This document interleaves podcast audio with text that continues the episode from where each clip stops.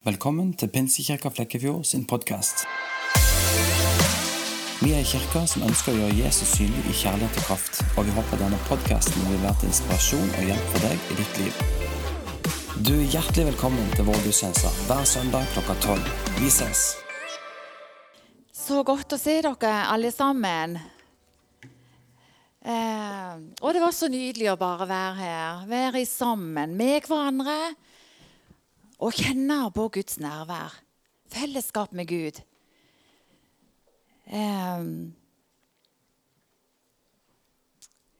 Jeg kjente på det litt her i stad. Eh, når Jonathan og Benjamin kom fram til meg herrene, og så, så var det noe Ja, søndagsskolen skal jeg si ifra om. Det glemmer jeg jo. Søndagsskolen og disippelskolen! Vær så god! Ellers hadde jeg gjerne bare sittet her.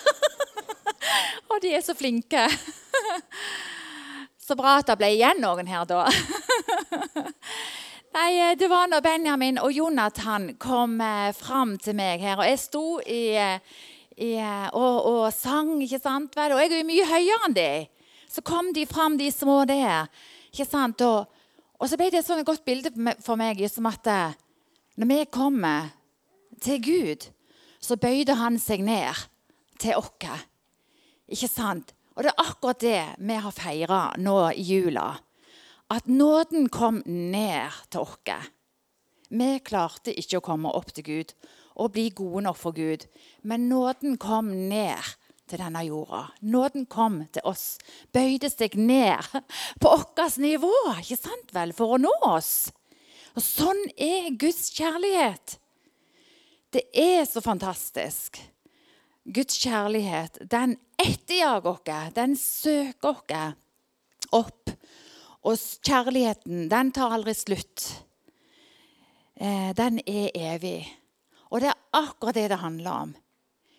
Gud har kalt dere til fellesskap med seg. Det er det han har kalt dere til. Han er så fantastisk. Han har alt. Men han ville ha oss mennesker. Det er det viktigste for han. Han gjorde alt ferdig. Han skapte himmel og jord. Og alt som er på den. Alt var fantastisk. Men det var ikke fullkomment før han hadde skapt mennesket. Han visste hva det innebar med mennesket. Han visste hvordan vi kom til å oppføre oss. Men allikevel så gjorde han det. Fordi at han ønska å dele alt det han hadde skapt, og dele sitt hjerte med oss mennesker.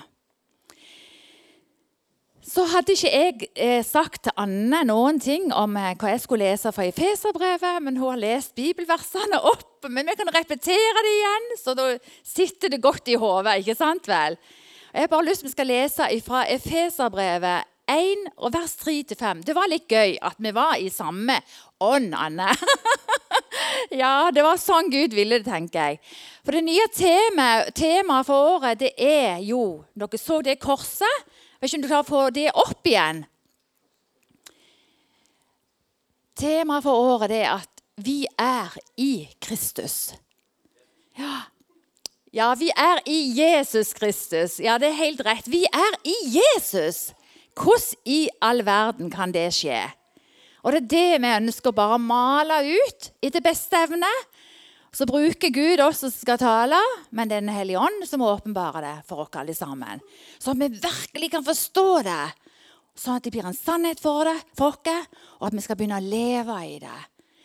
Og jeg tror at når det begynner å gå opp for oss, så vil vi få en helt annen ja, eh, glede eh, og frihet i det å være en kristen. Når man virkelig forstår hvem vi er i Jesus.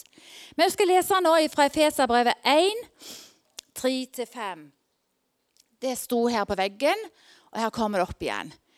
Velsignet er Gud, vår Herre Jesu Kristi Far, Han som i Kristus har velsignet oss med all åndens velsignelse i himmelen.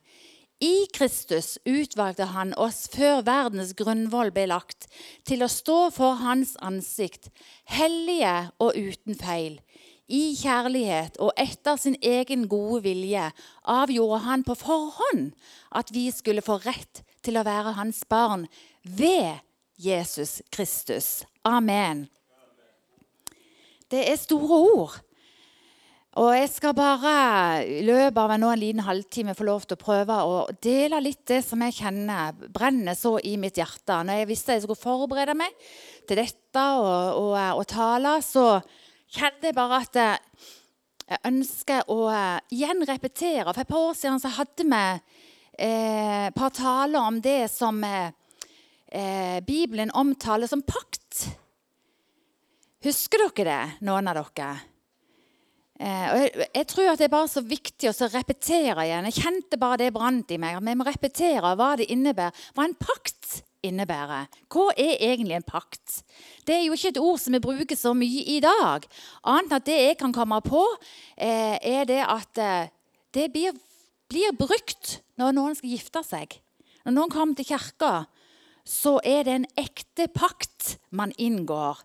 Det er to likeverdige partnere som bestemmer seg for at de vil leve livet sammen. Jeg gir meg til deg, du gir deg til meg. ikke sant vel? Det er en likeverdig pakt. Og at vi lover innenfor Guds ansikt at vi skal være tro mot hverandre, og vi skal leve sammen til døden skiller oss ad. Ikke sant? Det er det som er en ekte pakt. Ellers blir ikke pakt, pakt brukt så veldig mye i, nå i, i, dette samfunnet, men det ble brukt veldig mye i Det gamle testamentet. Og Det nye testamentet snakker òg om pakt. Eh, det som gjerne vi bruker mest, det er kontrakter. ikke sant? Men det er ikke helt det samme. For en kontrakt går, er, er, egentlig bygd på mer litt sånn, litt sånn mistillit. For det at eh, OK, hvis du skal låne penger av meg Banken sier hvis du skal låne penger av meg, så må du skrive under her. ikke sant? Fordi at du skal holde alt det som står i denne kontrakten, her den avtale, så da må du skrive under her. Det er fordi at banken skal på en måte vite at de har en sikkerhet i at du har skrevet under her. Så kan de gå tilbake og si se du har skrevet under her på denne avtalen. sånn og sånn, Da må du følge den. Så det er litt sånn når vi kjøper bil og forsikring og alt det, så er kontrakter man inngår. ikke sant vel? Mens en pakt eh, går ut på det at man har en tillit til hverandre. Så det er to forskjellige ting. Eh, Nytestamentet eh, I Matteus står det om eh, pakt. Den nye blodspakt vil jeg bare lese om. Og det er faktisk det vi gjør når vi går til nattverd. Så blir dette lest opp. Men mens de holdt måltid, tok Jesus et brød, takket og brøt det. Det var dette Jesus innstifta nattverden, ikke sant vel? Det var han som sa dette her. Tok Jesus et brød, takket og brøt det, og ga disiplene og sa, ta imot og spis. Dette er min kropp. Og han tok et beger, takket, ga dem og sa, drikk alle av det. For dette er mitt blod, paktens blod som blir utøst for mange, så syndene blir tilgitt. Så her ser vi at det, det er blodet som må til. Gud, Jesu blod måtte til for at syndene skulle bli tilgitt. Men i Gamle testamentet eh, da var det ikke Jesu blod. Da var det, når de inngikk en pakt, da var, var det hverandre sitt blod eh, man måtte på en måte dele. De skar i hånda her, og de tok, tok hverandre i hånda og blanda blod. Og jeg skal ikke gå inn på det, for det er masse undervisning. Det hadde vi veldig mye om sist gang. Og hvis du vil vite mer av hva en pakt betydde i Gamle sementet, eh, så anbefaler jeg ei bok som heter 'Blodspakten' av eh, Christian Kappelrud. Hvis dere vil ha eh, tittelen og navnet, så kom til meg etterpå. Utrolig bra undervisning. Og veldig, du får en veldig sterk åpenbaring av hva en pakt betyr for oss som er kristne i dag òg. Eh, jeg har lest den et par ganger. Det er bare nydelig undervisning. Så jeg anbefaler den for dere. Men nå vil jeg bare Jeg vil gå helt tilbake til første Mosebok. Første Mosebok 1,28. Der står det om eh, når Gud skapte denne jorda med alt det fantastiske som finnes her. Han skapte, Gud skapte planter og tre og hav og landområder og dyr og insekter og fugler. Det er han som står bak hele skaperverket.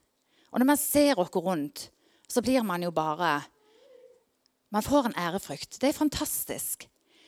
Det er Gud som har skapt det. Han står bak. Men som jeg sa helt i begynnelsen, når han har skapt alt dette her, så var han ikke helt fornøyd. Han måtte skape mennesker. Han ville dele dette fantastiske skaperverket med noen. Og det var med Adam og Eva. Han skapte Adam og Eva. Og så overlot han hele styringsretten over skaperverket til Adam og Eva. Han delegerte oppgaver til dem for at de skulle passe på. Han skulle gi dyrene navn. ikke sant vel? Og de skulle passe på alt det som han hadde skapt. De skulle forvalte skaperverket. Og så står det i første Mosebok. Så velsignet han dem, og Gud sa til dem, vær fruktbare, bli mange, fyll opp jorden og legg den under dere. Dere skal ha råderett over fisken i vannet, over fuglene i luften, over hver skapning som rører seg på jorden. Det var Guds ordre. Han velsigna dem. Bli mange, forøk dere. Bre dere utover jorda. De begynte med Adam og Eva. Og mennesket det ble gitt en kjempestor oppgave. Men Gud han ville være med dem. Han ville være der til stede for dem. Han var jo der, for han var deres far. ikke sant vel? Han var tilgjengelig. Og han ville være dem og gi dem råd, velsigne dem, passe på dem, forsørge dem med alt, sitt, hele sitt hjerte.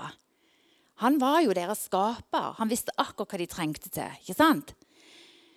Men Gud ga dem òg frihet. Han ga dem følelser, han ga dem vilje. Han ga dem den uh, muligheten til å kunne bestemme sjøl hva de ville gjøre. Og han gjorde det også sånn at han planta et tre midt i hagen. Det er treet som heter tre til kunnskapen om godt og vondt. Kunnskapens tre. Så sa han dere kan gjøre alt dette her. Dere kan spise av alt som er i hagen her, men ikke av dette treet her. For da vil deres øyne bli åpne opp, og dere vil få visdom om kunnskap til godt og vondt. Alt det han ga dem, alt det han gjorde, alle løftene han ga dem, men sa ikke spise det treet. Men så var det jo sånn, som dere vet, at de ble frista. For deres sjelefiende, djevelen, kom inn i deres liv og ble frista. Og gjorde at han, djevelen kom med disse ordene. Dere trenger vel ikke noen over dere? Hvem skal bestemme over dere? Dere kan jo bare styre deres eget liv. Være deres egne herrer. Det hørtes jo veldig fristende ut. Og det var akkurat det de falt for. Og de spiste av dette treet. Så ble det jo sånn at på den måten så vendte de Gud ryggen. Og det ble et skille mellom Adam og Eva og Gud. Og dette var ikke noe Gud tok lett på. Dette var en katastrofe en sorgens dag for Gud. For han ønsker jo å være til stede i deres liv. Han ønsker å være deres forsørger. Men de valgte å gå sin egen vei. De tok sine egne valg. Og Gud ble jo sønderknust.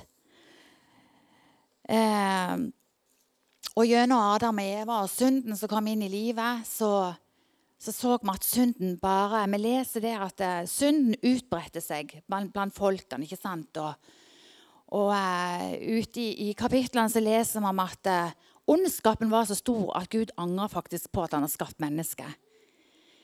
Eh, og det gjorde til at han eh, lot det regne. Vi leser om Noah.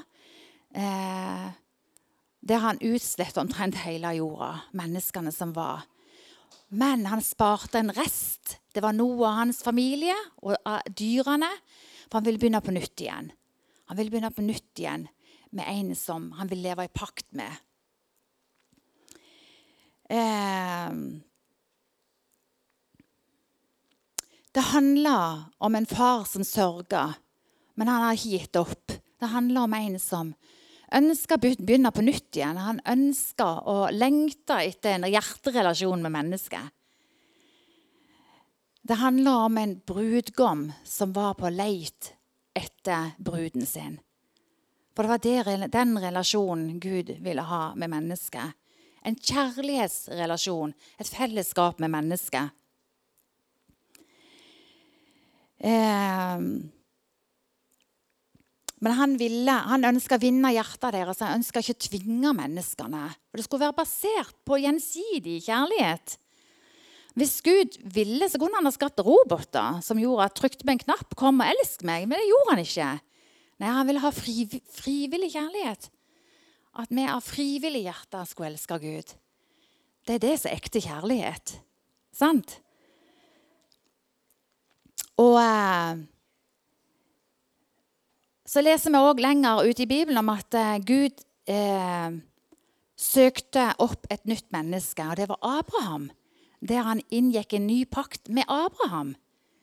Men denne gangen skjønte han det at eh, jeg kan ikke stille noen betingelser. Jeg kan ikke Jeg kan ikke gjøre en avtale med Abraham, for mennesker de, de kommer til kort. Jeg kan ikke gjøre en avtale med mennesker som skal være likeverdig partner. For det er ingen mennesker som kan være likeverdig med Gud. Derfor så gjorde han det på en annen måte. Så han gjorde det sånn at eh, Abraham han fiksa opp denne pakten sjøl. Det, det, er masse jeg kunne sagt om dette her. Men det Gud gjorde, han fiksa pakten sjøl. Med sin egen sønn Jesus Kristus. Så han gjorde det sånn at eh, Abraham, om du tror det ordet jeg taler til deg, om du bare tror og tar imot det, så er du en likeverdig partner med Gud. Og det gjorde Abraham. For det står i første Mosebok 12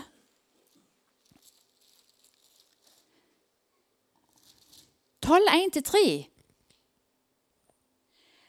Herren hadde sagt til Abraham, dra ut fra ditt land og fra din slekt og fra ditt fars hus og til det landet som jeg skal vise deg. Jeg skal gjøre deg til et stort folk, jeg skal velsigne deg og gjøre ditt navn stort, og du skal bli til velsignelse. Jeg skal velsigne den som velsigner deg, og jeg skal forbanne den som forbanner deg, og i dag skal alle slekter på jorden bli velsignet. Så dro Abraham av sted. Gud talte til Abraham, og så ser vi vers når Gud hadde talt til ham, 'Jeg vil gjøre din slekt stor, jeg skal velsigne deg'. Eh, du skal utbre deg, ikke sant vel? Og I vers 4 så ser vi at Abraham så gjorde han det som Gud sa. For Gud sa du skal dra av sted. Da gjorde Abraham det. Han trodde Gud. Han handla på det Gud sa til han. Og så sa Gud jeg skal velsigne deg. Og da var Abraham langt opp i årene. langt, Både han og Sara, som var kona hans, de var langt opp i de årene som gjorde at de egentlig kunne få barn på naturlig vis. Men Gud hadde lovt at han skulle velsigne han, og de slekt skal bli stor. Han sa han, se på stjernene, så stor skal de slekt bli. Det er jo tusener, millioner av stjerner. Men hvordan skal det gå til, sier Abraham og Sara. Jeg skal gjøre det, sier Gud.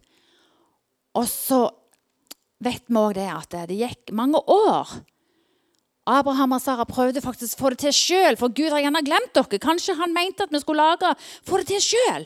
Så Abraham gikk inn til trellkvinnen Hagar, og så fikk de Ismael. Men det var ikke det Gud hadde tenkt. Gud ville at de skulle vente på til tida var inne. Og så var det han som skulle føde livet fram i Sara. Menneskelig vis gikk det ikke an, men Gud gjorde det. Var Sara 90 år gammel? var Hun husker ikke helt det. Kanskje over 90 år. Ser du for deg en 90 år gammel dame som blir gravid? Det er jo umulig! Men det var ikke umulig! For det Gud gjorde, han planta frøet inn i Saras liv bare fordi han ville vise hvem han var. Han er allherrs Gud. Han har jo skapt himmel og jord, alt som er på det. Skode. Altså, det skulle ikke mer til enn at han bare befalte. Bli liv. Så ble det et liv inni Saras liv. Mage. Er det ikke fantastisk? Dette er vår Gud. Og gjennom det så utbredte det seg en stor slekt av israelsfolk, jødene. ikke sant? Vi vet at Abraham fikk Isak, og Isak fikk Jakob. Og så ble det jo tusenvis, jeg vet ikke hvor mange jøder det ble til slutt. Men så ble det sånn òg, faktisk, at farao, som var hersker i det landet som eh, jødene bodde i, han begynte å kjente seg trua på livet. Og her vokser de fram. Her blir unger født. Jødefolk. Wow! Her må vi gjøre noe for å passe på at ikke de gjør opprør imot meg. Så han satte de under et, i et trelleliv med masse regler og bud. Og de ble jo slaver i Egypten, israelsfolket. Og israelsfolket begynte igjen å klage. Selvfølgelig, det forstår vi jo. Og rope til Gud! Gud, du som er vår paktsmann, du som er vår paktsherre. Hvor er du henne nå? De hadde hørt om paktsmannen Gud, Israels Gud. Han som spilte på lag med dem. Hvor er du henne nå? Ser du ikke hvordan vi har det? De hadde glemt Gud lenge, i mange mange år. Men nå var de der at å, nei, nå har vi det jo ikke så bra. Men hvor er du hen nå, Gud? Så begynte de å rope på utfrielse. Fri, utfrielse fra slaveriet. Og Gud han hørte deres bønn. Han var ikke sånn at nei, nå kan dere bare ha det så godt. Se hvordan dere har stelt det til for dere sjøl. Dere har svikta meg, vendt meg ryggen. Nei, nå kan dere bare ha det så godt. er det ikke sånn vi mennesker er egentlig mange ganger? Nei, men sånn er jo ikke Gud. Er det ikke fantastisk?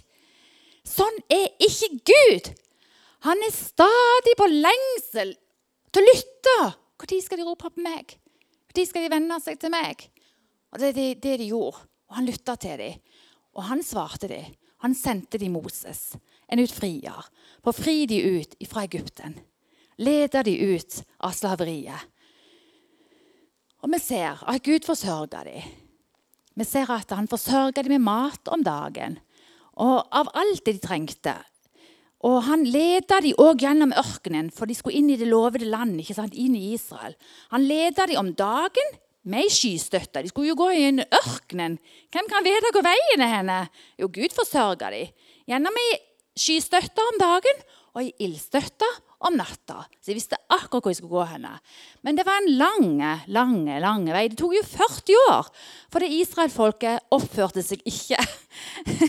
For å si det enkelt. Og eh, Vi leser også om at de ble sinte på Moses, de ble sinte på Gud og vendte Gud ryggen. Men Gud ga dem ikke opp. Selv om han satte dem litt på plass av og til, så ga han dem ikke opp. Eh, Og så vet vi òg at Gud ga dem eh, Gud ga israelsfolket de ti bud og lovene. Eh, for det at eh, han skjønte det at nei, nå, nå må vi vise de her hva som er rett. ikke sant vel? Så ikke de bare går sine egne veier og bare holder på som de sjøl vil. Så Moses var på Sinai-fjellet, og så fikk han de ti bud og lovene. For at det er sånn, dette er min standard, sånn vil jeg dere skal oppføre dere. ikke sant vel? Og så var det de ti bud. Men så visste jo Gud òg at eh, de kommer ikke til å kunne klare å holde dem heller.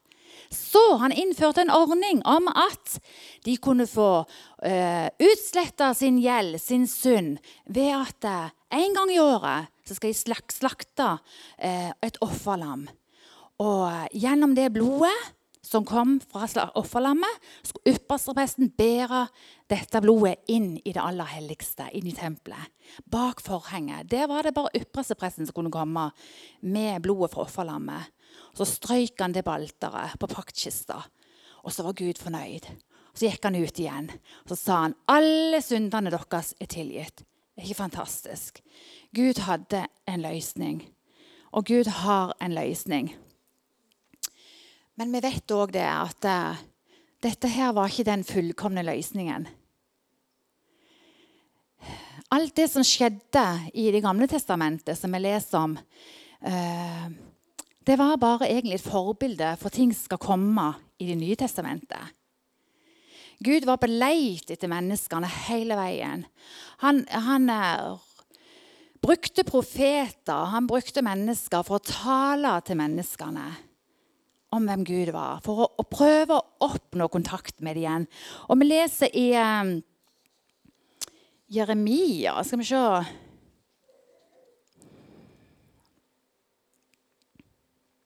Ja, Jeremia 31, eh, 31. Har du den på veggen? 600 år før Jesus kom, så talte Gud til Jeremia, profeten Jeremia og sa du må forkynne ut de gode nyhetene. Du må forkynne om hva som skal komme. Og så kom profeten Jeremia til israelsfolket og talte til dem. Se, dager skal komme, sier Herren, da jeg slutter en ny pakt med Israels hus og Judas hus. Ikke som den pakten jeg sluttet med fedrene deres den dagen jeg tok dem i hånden og førte dem ut av Egypt. Den pakten brøt de, enda, de, enda jeg var deres herre, sier Herren. Men dette er pakten jeg vil slutte med Israels hus i de dager som kommer, sier Herren. Jeg legger min lov i deres sinn og skriver den i deres hjerte. Jeg skal være deres Gud, og de skal være mitt folk folk. Dette ble profetert ut 600 år før Jesus kom. Så det, her var det en profeti om at det skal komme noe nytt. Det skal komme, Jesus skulle komme til dem. De skjønte nok ikke helt hva det betydde og hva det ville innebære, men dette var løftet som skulle komme. Jesus skulle komme som løftesønn. Jesus skulle komme som offerlammet. Ikke sant? Han sjøl skulle være offerlam. Nå må jeg bare holde meg litt til eh, det jeg har skrevet ned her. Jeg bare, og jeg bare kjenner det så Jeg ønsker bare å formidle det på en måte som kan bli forståelig. Sånn at eh, For det at eh, Vi har så vi er ofte så lett bare for å lese i Nytestamentet og tenke det forstår de, det forstår vi, ikke sant? eller det er bra. Men det er en sammenheng. altså Hele Guds ord er sannhet. ikke sant vel? Og Når vi leser i Gamle testamentet og slår det sammen i Det nye testamentet, det er summen av Guds ord. Og det er det som er hele sannheten. Det som skjer i Nytestamentet, er, var allerede profetert i Det gamle testamentet. Og det er så viktig at vi har med oss alt. Um, ja. Blir, i, i, Bibelen blir Jesus kalt for den andre Adam. Eh, vi leser om den første Abraham, som ikke var fullkommen, som mislyktes. Men gjennom den andre Adam, Jesus, som kom til jorda, så ble Jesus det fullkomne offerlammet. Det offerlammet som skulle betale all vår skyld, all vår synd. Det blodet som rant ifra Jesus sine hender og føtter, for Jesus sin kropp, det ble betaling for vår skyld.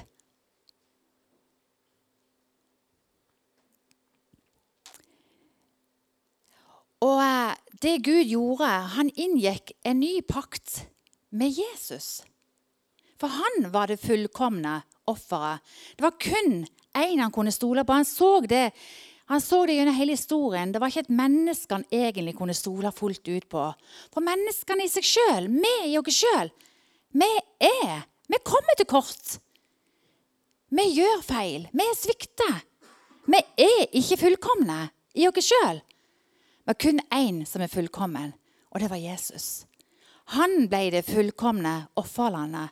Det som var Når israelsfolket skulle ofre, så måtte de ta et lam som var uten feil. ikke sant vel? Det førstefødt lam uten feil. Et helt perfekt lam. For det var det som var nok for at Gud skulle æres. ikke sant? Og sånn ble Jesus da et bilde på det offerlammet som var uten feil. Det var kun én som var uten feil. Det var bare Jesus. Derfor så måtte Gud inngå en ny avtale, en ny pakt, med Jesus jeg synes jeg ser de sitter i himmelen og snakker sammen. Det er kun én måte jeg kan få nå ned til menneskene på. Det er gjennom deg, Jesus. Og Jesus sier seg vilje til å stige ned til denne jorda. Gjør seg liten. Bøyer seg ned til oss. For å være det offerlammet som Gud trengte. For det eh, vi snakker om offerlam og blod. I all verden, Hvorfor, hvorfor snakker vi så mye om blod og offerlam? Hvorfor i all verden, eh, så, hvorfor snakker de om det? Hvorfor er det så viktig? Eh, det står i Bibelen om at eh, menneskenes liv er i blodet. Menneskes, altså Livet er jo i blodet. Hvis du som menneske ikke har blodet som pulserer rundt i kroppen, så er det ikke liv i deg. Sant vel? Så livet fins i blodet. Eh, og Noen oversettelser snakker om at uttrykket at sjelen er i blodet. Da Jesus ga sitt liv, så ble han offerlam, og han ga sitt blod som betaling for synden. Ikke sant vel? For i synden så var vi jo døde. Avskilt fra Gud. Åndelig døde. Og for at vi skulle ha liv igjen, så måtte synden betales med blod. Og det var betaling nok for at vi skulle ha liv igjen. Forsto dere det? Var det ok forklart? Vi har fått liv på grunn av at synden vår er blitt betalt. Den er strøken ut på grunn av Jesu blod. For han var det perfekte offerlammet. Så, ved at Jesus døde for oss, betalte vår skyld med sitt eget blod, så brøt hele forhenget i tempelet. Dette forhenget så skilte oss mennesker mellom Gud og hans nerver. Det bare brøt de sammen.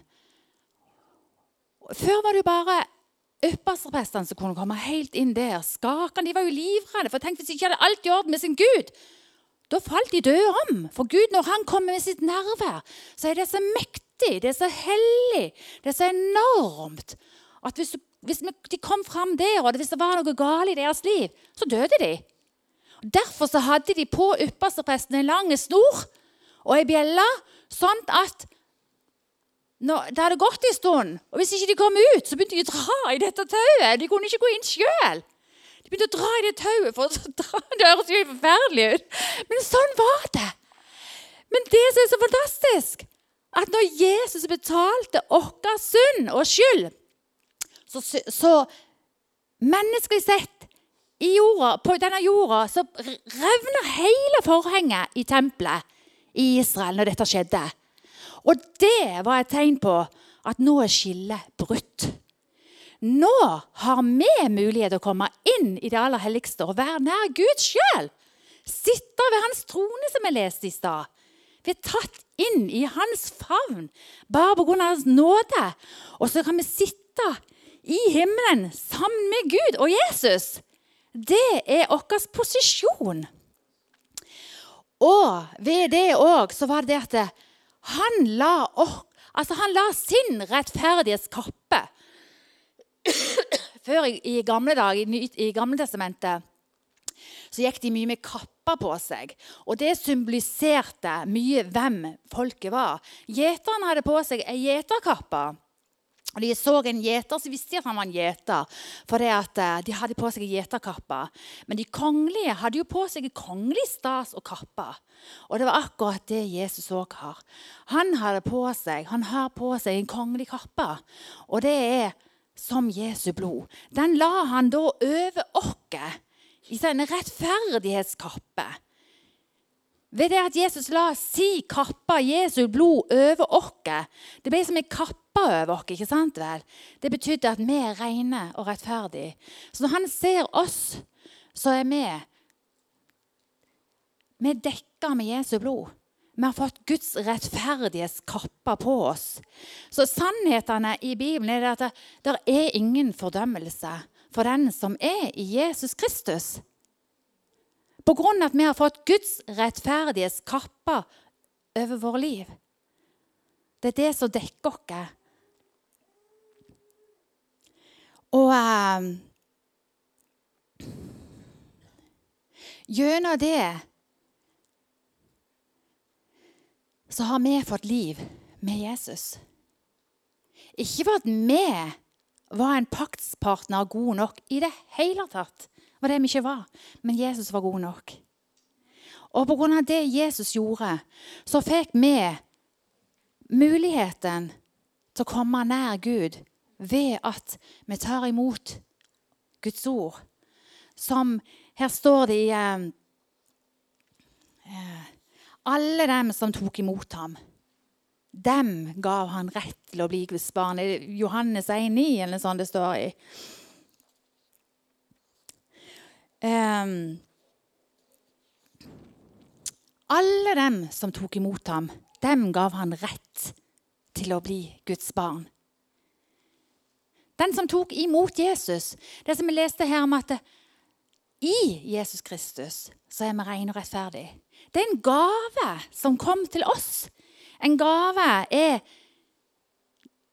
Det Gud ga sin gave, Jesus Kristus, til oss, for han så vi trengte det. Vi kunne aldri gjøre oss fortjent til det, men det var vi skulle bare ta imot. Det er som ungene kom her. 'Kan jeg få et sukker av deg?' Så er det bare ut med hånda. 'Ja, vær så god.' Og så springer de av gårde så lykkelige. Jesus er Guds gave til oss.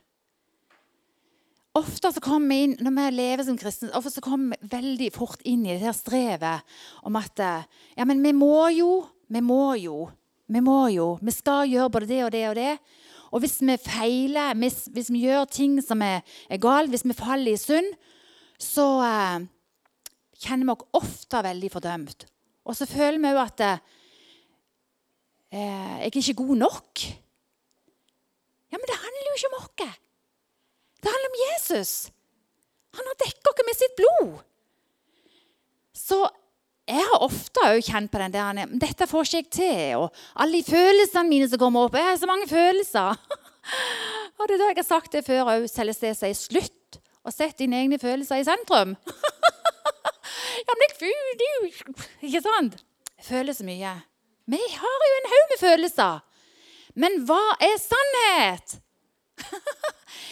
Følelsene våre kan jo bare spille oss så mye puss. ikke sant vel? Eh, vi må ikke stole på følelsene våre, for de går opp og ned. En dag så føler vi bare det. Å, jeg kan vinne hele verden! Jeg skal være så frimodig for deg, Gud. Ja, å! Yes! The power! ikke sant? Neste dag sånn Jeg vet ikke om jeg føler meg som en kristen engang. Men det er ikke sant! Det er følelsene våre. Hva er sannhet? Alle dem som tok imot ham, dem gav han rett til å bli Guds barn. Og så er det det Vi er bare rettferdige, vi er bare gode nok pga. det Jesus gjorde. Så vi dekker oss bak det, bak hans rettferdigskape. Og så er det det når vi har tatt imot Jesus, Guds sønn. Vi tar imot i tro, som Abraham. Gud talte til Abraham. Abraham tok imot i tro. Abraham gjorde masse feil. Han gjorde masse feil både før Gud talte til han og etterpå.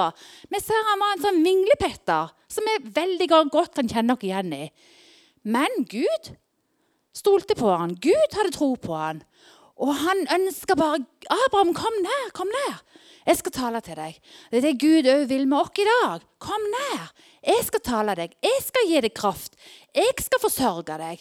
Jeg skal styrke deg, jeg skal veilede deg. For det, han kan gjøre det, for det har vi fått av Hans ånd inni oss. Ved at vi trodde og tok imot, så har vi fått Guds ånd inni oss. Og når vi leser Guds ord, så blir det levende i vår ånd. Og så går det opp i sinnet vårt, og så blir tankene våre forvandla. Så begynner følelsene etter hvert òg å bli forvandla. Av det så kommer de allikevel. Nei, dette er bare følelse, dette er løgn. Jeg kutter det i Jesu navn. Hva er sannhet? Jeg går tilbake og leser sannhet. Og så fôrer vi med sannheten. Ikke sant? Ved det som jeg har sagt nå, så handler det om at vi er i Jesus Kristus. Nye skapninger. Sant? Vi er nye skapninger i Jesus Kristus. Så det handler ikke lenger om oss. Paulus sier jeg er død. Jeg er korsfesta med Kristus. Jeg lever ikke lenger sjøl. Han gjorde jo det. Men sånn åndelig sett Jeg lever ikke lenger selv. Det handler ikke om meg, det handler om Jesus. For han bor inni meg. Kristus i oss, står det. Det er det som er håp om herlighet. Og det er det som er meninga, at dette livet skal få vokse fram og spire fram. Og han har lov til å være med oss alle dager. Han vil forsørge oss. Sånn som vi leser om at han har forsørga alle folk i Bibelen. Forsørgte de og beskytta de og bevarte de og var med de alle dager. Det vil Gud òg gjøre med oss, og det gjør han. Han svikter ikke, han forlater dere ikke. Men vi skal bare passe på at vi holder dere nær til han. Er planta i vintreet. Han er vintreet. Vi er greinene planta inni han. Vi, vi, kan ikke leve for oss sjøl og tro at vi skal klare det så godt sjøl. Ja, vi kan prøve, men da, eh, da har vi det ikke bra. Jeg vet bare det at Når jeg er Jesus og hans sannhet får fylle mine tanker mitt hjerte, det er da jeg har liv. Det er da jeg har glede, da har jeg fred. Og så er det han som skal virke sitt liv i oss. For at vi mer og mer skal vokse opp og være hans vitner. For det Gud ville med sitt paktsfolk, israelsfolket, det var han ville, han ville synliggjøre seg sjøl. gjennom israelsfolket. Han ville vise hvor en fantastisk Gud han var gjennom israelsfolket. Og så Det gjør han i dag òg. Ikke bare med israelsfolket, men vi er planta inn på det nye vintreet. Sant? Gjennom den nye pakten. Så det som er Den gamle pakten han, handler om å skjære. Den nye pakten handler om et testamente. Og det testamentet går bare i oppfyllelse når en er død. Og når Jesus døde for oss, så gjelder hele Det nye testamentet for oss. Dette er vår arv. Er det ikke fantastisk? Wow, dette trenger iallfall jeg å vite mye mer om. Og jeg bare ber sånn som Paulus, og jeg ber om at vi skal forstå hele fylden av Guds ord. Så vi virkelig skal forstå høyden og bredden og dybden og alt. Wow! Da vil vi bare gå til å smile, tenker jeg. ja, nå skal jeg avslutte. Men jeg syns det er så fantastisk. Tenk at vi skal få lov, få lov til å ha livet i Jesus. Han har gjort alt ferdig for oss. Så er det ingen fordømmelse for den som er i Kristus. Amen. Gud velsigne dere alle.